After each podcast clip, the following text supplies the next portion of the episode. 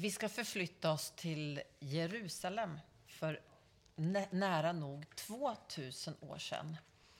En påsk bland andra påskar, men en som skulle bli alldeles, alldeles ovanlig. Den här påsken i Jerusalem när Jesus ger sitt liv för din och min synd var planerad sedan länge. Redan i första Mosebok så hade, när syndafallet var ett faktum, så hade Gud lovat att det här, det ska jag göra någonting åt. Jag ska trampa sönder ormens huvud. Det står det redan i Bibelns första kap tredje kapitel, precis i början.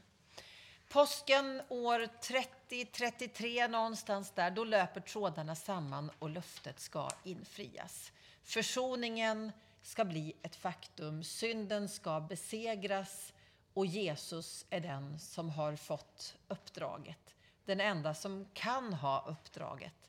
Den enda som var utan synd. En liten topografisk bild av Jerusalem ska jag dela med mig av till dig. Eh, det finns en höjdskillnad som man kan se i bilden. Du kommer alldeles strax få se den. I den höga, höga delen av dalgången som rinner ner mot den långa muren, där kalla, den kallas för Gehenna eller helvetets dal. Den högsta punkten vet vi ju att där rinner eh, vatten, eller de, den kraft som kommer uppifrån, den har starkt, starkt övertag mot det som ligger lägre och sköljer över det. Men längs muren i den nedre dalen i Jerusalem, som kallas för Kidrondalen eller välsignelsens dal, den borde alltså bli invaderad av vattnet eller det som strömmar från helvetets dal eller Gehenna. Men den här påsken har Jesus ett ärende och det är att stoppa det som har med mörkrets makter att göra och låta välsignelsen bli en möjlighet för den som egentligen är dömd till att få ta emot allt det, det undergången har att ge skulle få sitt slut den här påsken i Jerusalem. Eh, Jesus vann seger över döden. Han infriade löftet som hade getts från början. Idag är han uppstånden. Idag lever Jesus. När Jesus dör i Jerusalem så berör han ju många människor. Eh, men där och då skulle man kunna tro att det var en påsk bland påskar i Jerusalem. Men det är en global dag som nådde bakåt i tiden från löftet gavs och in i din och min verklighet idag. Det var en märklig, märklig dag i Jerusalem när Jesus ger sitt liv. Eh, man kan förstå av texten att han, för att vara korsfäst så dog han ovanligt fort. För Pilatus reaktion är, har han redan gett upp andan? Har det gått så fort? Man trodde nog att han skulle behöva hänga över sabbaten också. Men eh, det är naturfenomen som är igång och understryker att någonting är i görningen. Jorden skakar, ljuset slocknar mitt på dagen. Klipporna rämnar och gravar öppnas, säger texterna. Den dagen i Jerusalem så tömdes gravar och människor kom tillbaka till livet. Många av de heliga uppstod och gick in i staden och kunde ses av många. En alldeles, alldeles ovanlig dag i Jerusalem. När det är sabbat i Jerusalem så rör man sig inte långa sträckor. Så på lördagen när Jesus vilar eh, i graven, då är det inte så stor rörelse även om många har rest till stan. Det är en pilgrimshelg och vi vet att Jesus hade varit på påsken i Jerusalem tidigare som liten. För vi vet att hans föräldrar hade gett en liten offergåva. En duva var vad man hade råd med när Jesus föddes och när de reste till Jerusalem under påsken när Jesus var 12 år. Ovanligt för en korsfäst var att kroppen sparades. Eh, regeln var egentligen att benen skulle slås sönder och kroppen skulle tas isär. Men Jesu kropp var intakt. Den gavs till Josef av Arimathea, lades i graven och där fick han vila. Och för att bara en, ett exempel på att eh, In i minsta detalj var det här planlagt. För i Saltaren 34 och 21 så står det han skyddar varje ben i hans kropp. Inte en enda ska krossas. Det hade salmisten utlovat redan tidigt. Och i Johannes 19 kapitel och vers 36 så står det mycket riktigt att detta skedde för att skriftordet skulle uppfyllas. Inget ben skulle krossas på honom. Gud hade kontroll på detaljerna. Och det var nog många som inte förstod vad som hände den här påsken. Men Elisabet har ju redan läst texten om saltaren att man var van att i salta salmen i templet sjunga sången om segraren, han som har segrat. Det hade man gjort många gånger. Segersången hade man övat på och sjungit. Men många var det som ändå den här påsken inte alldeles omedelbart förstod när Jesu kropp lades och låg i graven över sabbaten. Inget krossat ben, för så hade löftet varit från salmisten.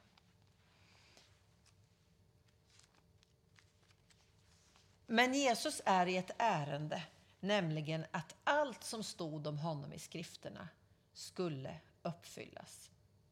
Vaktstyrkan beordrades till gravs, gravplatsen, till gravstenen. Det fanns ju bara en väg ut ur graven och det var den om man rullade undan den stora stenen. Och en vakt, vaktstyrka var beordrad för att hålla koll på graven. Och kanske låg det en aning om att det var något större än en vanlig gravläggning när, när eh, de som hade dömt Jesus till döden beordrar vaktstyrkan och säger Gå och be bevaka graven så gott ni kan, står det i texterna. Eh, det var lättbevakat men alldeles otroligt svårbevakat för löftet från början om han som skulle segra över döden skulle få sitt svar den här påsken. Graven kunde inte behålla honom. Graven blev tom. Hur togs det budskapet emot? Vi har ju läst om kvinnorna som kommer till graven och ser en tom grav och blir alldeles förtvivlade. Det var inte den spontana reaktionen att ja, nu har han uppstått. Man var inte riktigt där och kunde ta in att Jesus var uppstånden, utan man såg det som en olycka till utöver alla olyckor som man hade sett hända när Jesus fick ge sitt liv. Ängeln besökte kvinnorna när de står vid graven och är förvirrade. Eh, och så får ängeln påminna kvinnorna om och ställa frågan Varför söker ni den levande bland de döda? Han är inte här. Han har uppstått. Kom ihåg vad han sa till er. Det krävde påminnelse, men det står i, i Lukas texterna i 24 kapitlet och vers 8. Då, när ängeln påminde dem, så kom de ihåg hans ord. Då trillade poletten ner för de här sörjande kvinnorna som istället fick vända tillbaka till de andra lärjungarna med ett glädjebud. Och så talar de om för apostlarna eh, men de hade väldigt svårt att ta in att Jesus skulle vara uppstånden. De tyckte att det var bara prat där kvinnorna kom tillbaka och berättade. Det var för mycket för dem att ta in. De såg det som löst prat och fantasier. Men Petrus, står det i den tolfte versen i Lukas 24, han tog och sprang bort till graven för att kolla vad som hade hänt och han gick vidare från graven full av förundran. Petrus hade fått något att tänka på. Vad hade egentligen hänt med Jesus? Så de fick veta glädjebudet om Jesu uppståndelse och kvinnorna som en grupp. Men sen fick var och en av de enskilda lärjungarna, Petrus sprang till graven och Thomas han kunde inte tro i alla fall, utan han önskade att han skulle få ta själv rent fysiskt på den uppståndnes kropp. Och kommer man till graven i Jerusalem, i trädgårdsgraven idag, eh, då är den åskådliggjord med en grotta som har skylttexten Han är inte här. Han är uppstånden, står det på en stor träskylt med engelsk text. Så det här var vad som hände i Jerusalem. Gruppen förstod en och en. Långsamt sjönk det in. Det här var inte nederlagets dag. Det var uppståndelsens dag. Men det var inte en omedelbar sak att man såg det här. I Lukas 24 så får man följa ett par av Jesu lärjungar på vandringen bort från Jerusalem. De är fortfarande med de tunga steg som den har som sörjer och som hade satt sin tro till något som såg ut att vara ett, ett nederlags, en nederlagstippad berättelse. Emmausvandrarna de går, vänder bort från Jerusalem, ut från staden. Man tror att Emmaus låg ungefär någon mil utanför stan. Och det står att de gick och talade med varann om allt vad som hade hänt. De, de rekapitulerade händelsen, hela påskdramat.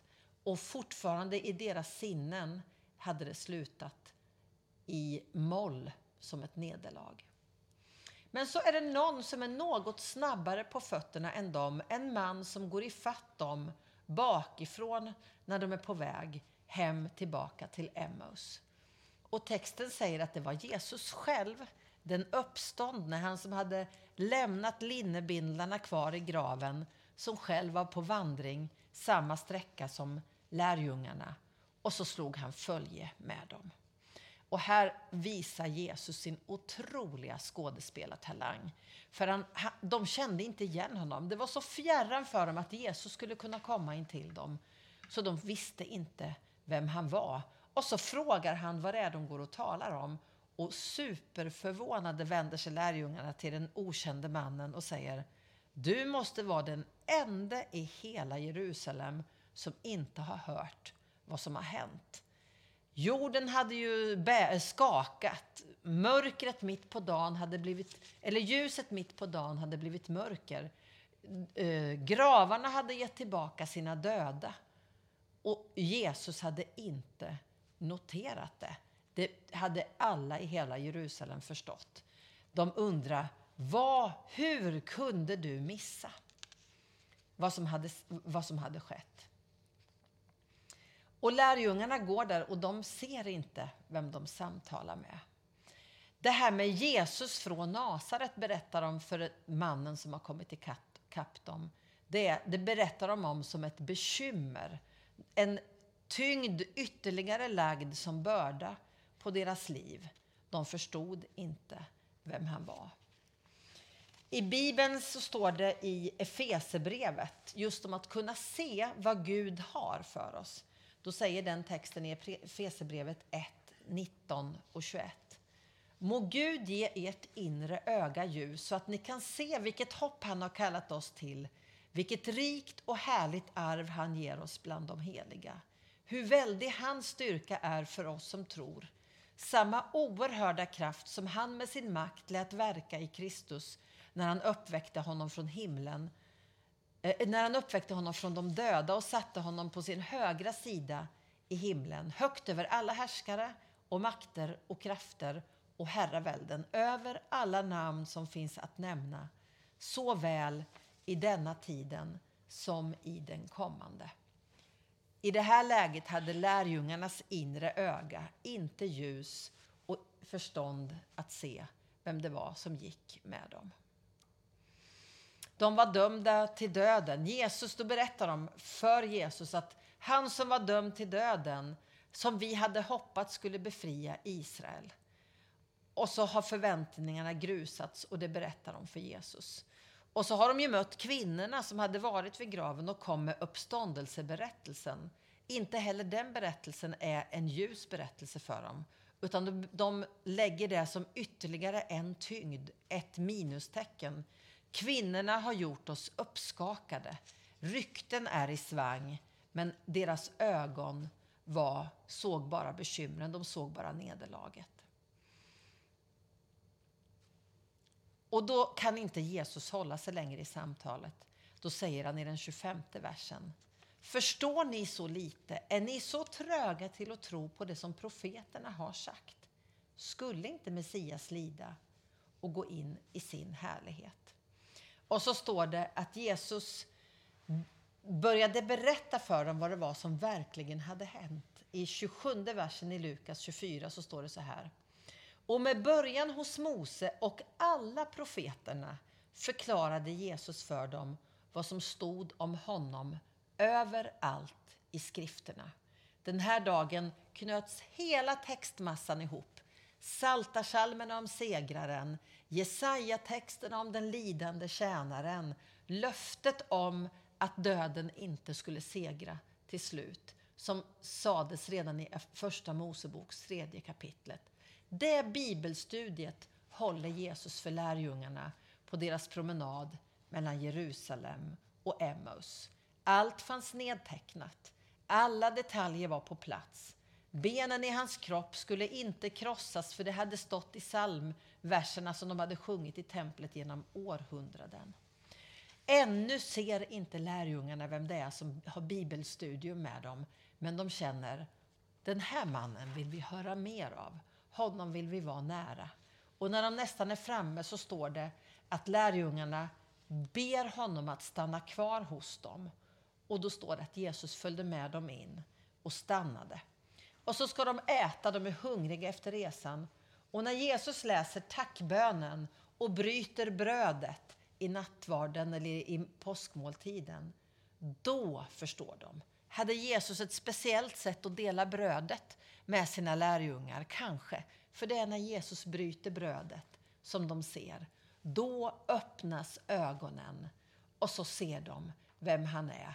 Då trillar poletten ner i hemmet i Emmaus. I Hebreerbrevets fjärde kapitel och vers 15 och 16 så står det så här. Vi har inte en överstepräst som är oförmögen att känna med oss i våra svagheter, utan en som har prövats på alla sätt och varit som vi, men utan synd.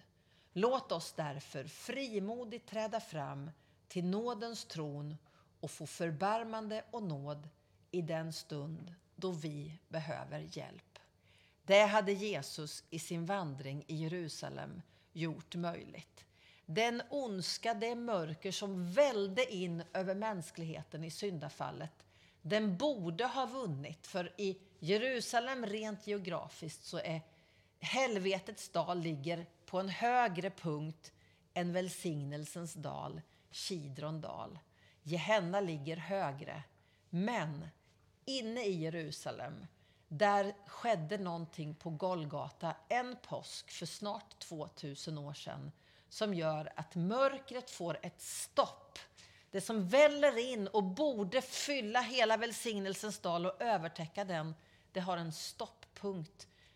Trots att, att eh, punkten för helvetets dal ligger högre så kan inte mörkret komma åt den som har kommit in i Guds rike. För en påsk i Jerusalem så hängdes Jesus på korset, las i graven, betvingade döden, uppstod och lämna bara bindlarna efter gravläggningen kvar. Och sen gick det en tid innan lärjungarna tog in det glada budskapet. Först var det bara förvirring. Hur kan Jesus uppstå? Men en efter en, Thomas han får ta med sina händer. Petrus han går till graven och ser med egna ögon. Emmausvandrarna, de får ett långt samtal med den uppståndne, ett bibelstudium som man gärna hade varit med och lyssnat till, som till slut leder fram till att de ser, han är uppstånden. Välsignelsen segrar över domen, över synden, över helvetets krafter. Och det är det glada budskapet till dig den här påsken. Det tog en stund för lärjungarna att förstå. Och kanske behöver du och jag vår process för att återigen den här påsken påminna oss om. Men jag hoppas att med den här vandringen genom texterna att poletten och påminnelsen trillar ner i dig idag. Han är inte död. Han lever. Han är sannoliken uppstånden. Döden har ingen makt. Välsignelsen är, den, är det som blir rådande. Jesu död ger dig liv. Med de orden vill jag önska dig en glad påsk 2021. Återverkningarna av påsken i Jerusalem för snart 2000 år är verklighet för dig och för mig den här påsken. Vi tackar Jesus tillsammans. Jesus, jag tackar dig för att vi har fått påminna oss om än en gång vad du har gjort för oss. Tack för ditt löfte att ondskan inte ska ha övertaget, att döden inte ska vara slutpunkten, att nederlaget inte ska bli vår historieskrivning. Tack för att du höll fast om det löftet genom århundraden. Och när tiden var inne så föddes du och när tiden var inne så gick du och firade den påsken i Jerusalem fast dina steg var tunga dit för du visste vad som väntade så tackar jag dig så innerligt för att du orkade gå, du orkade vägen, du orkade kampen. Du lät dig, du lät dig korsfästas och dö för vår skull, för min skull, för allas vår skull.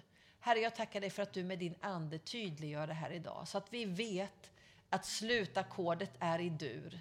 Det är inte nederlaget som är slutbeskrivningen. Det, finns, det finns, fanns kraft i välsignelsen ifrån din din uppståndelse som övertäcker allt vad helvetets krafter vill välla in. Men vi, vi tackar dig för att det finns en punkt i historien när det blir stopp för det onda, när det blir stopp för döden, när livet får segra därför att du gav ditt liv och du gjorde det av kärlek. Tack för att vi får påminna oss om det och ta emot av din kraft den här påsken. I ditt namn ber och tackar jag dig. Amen.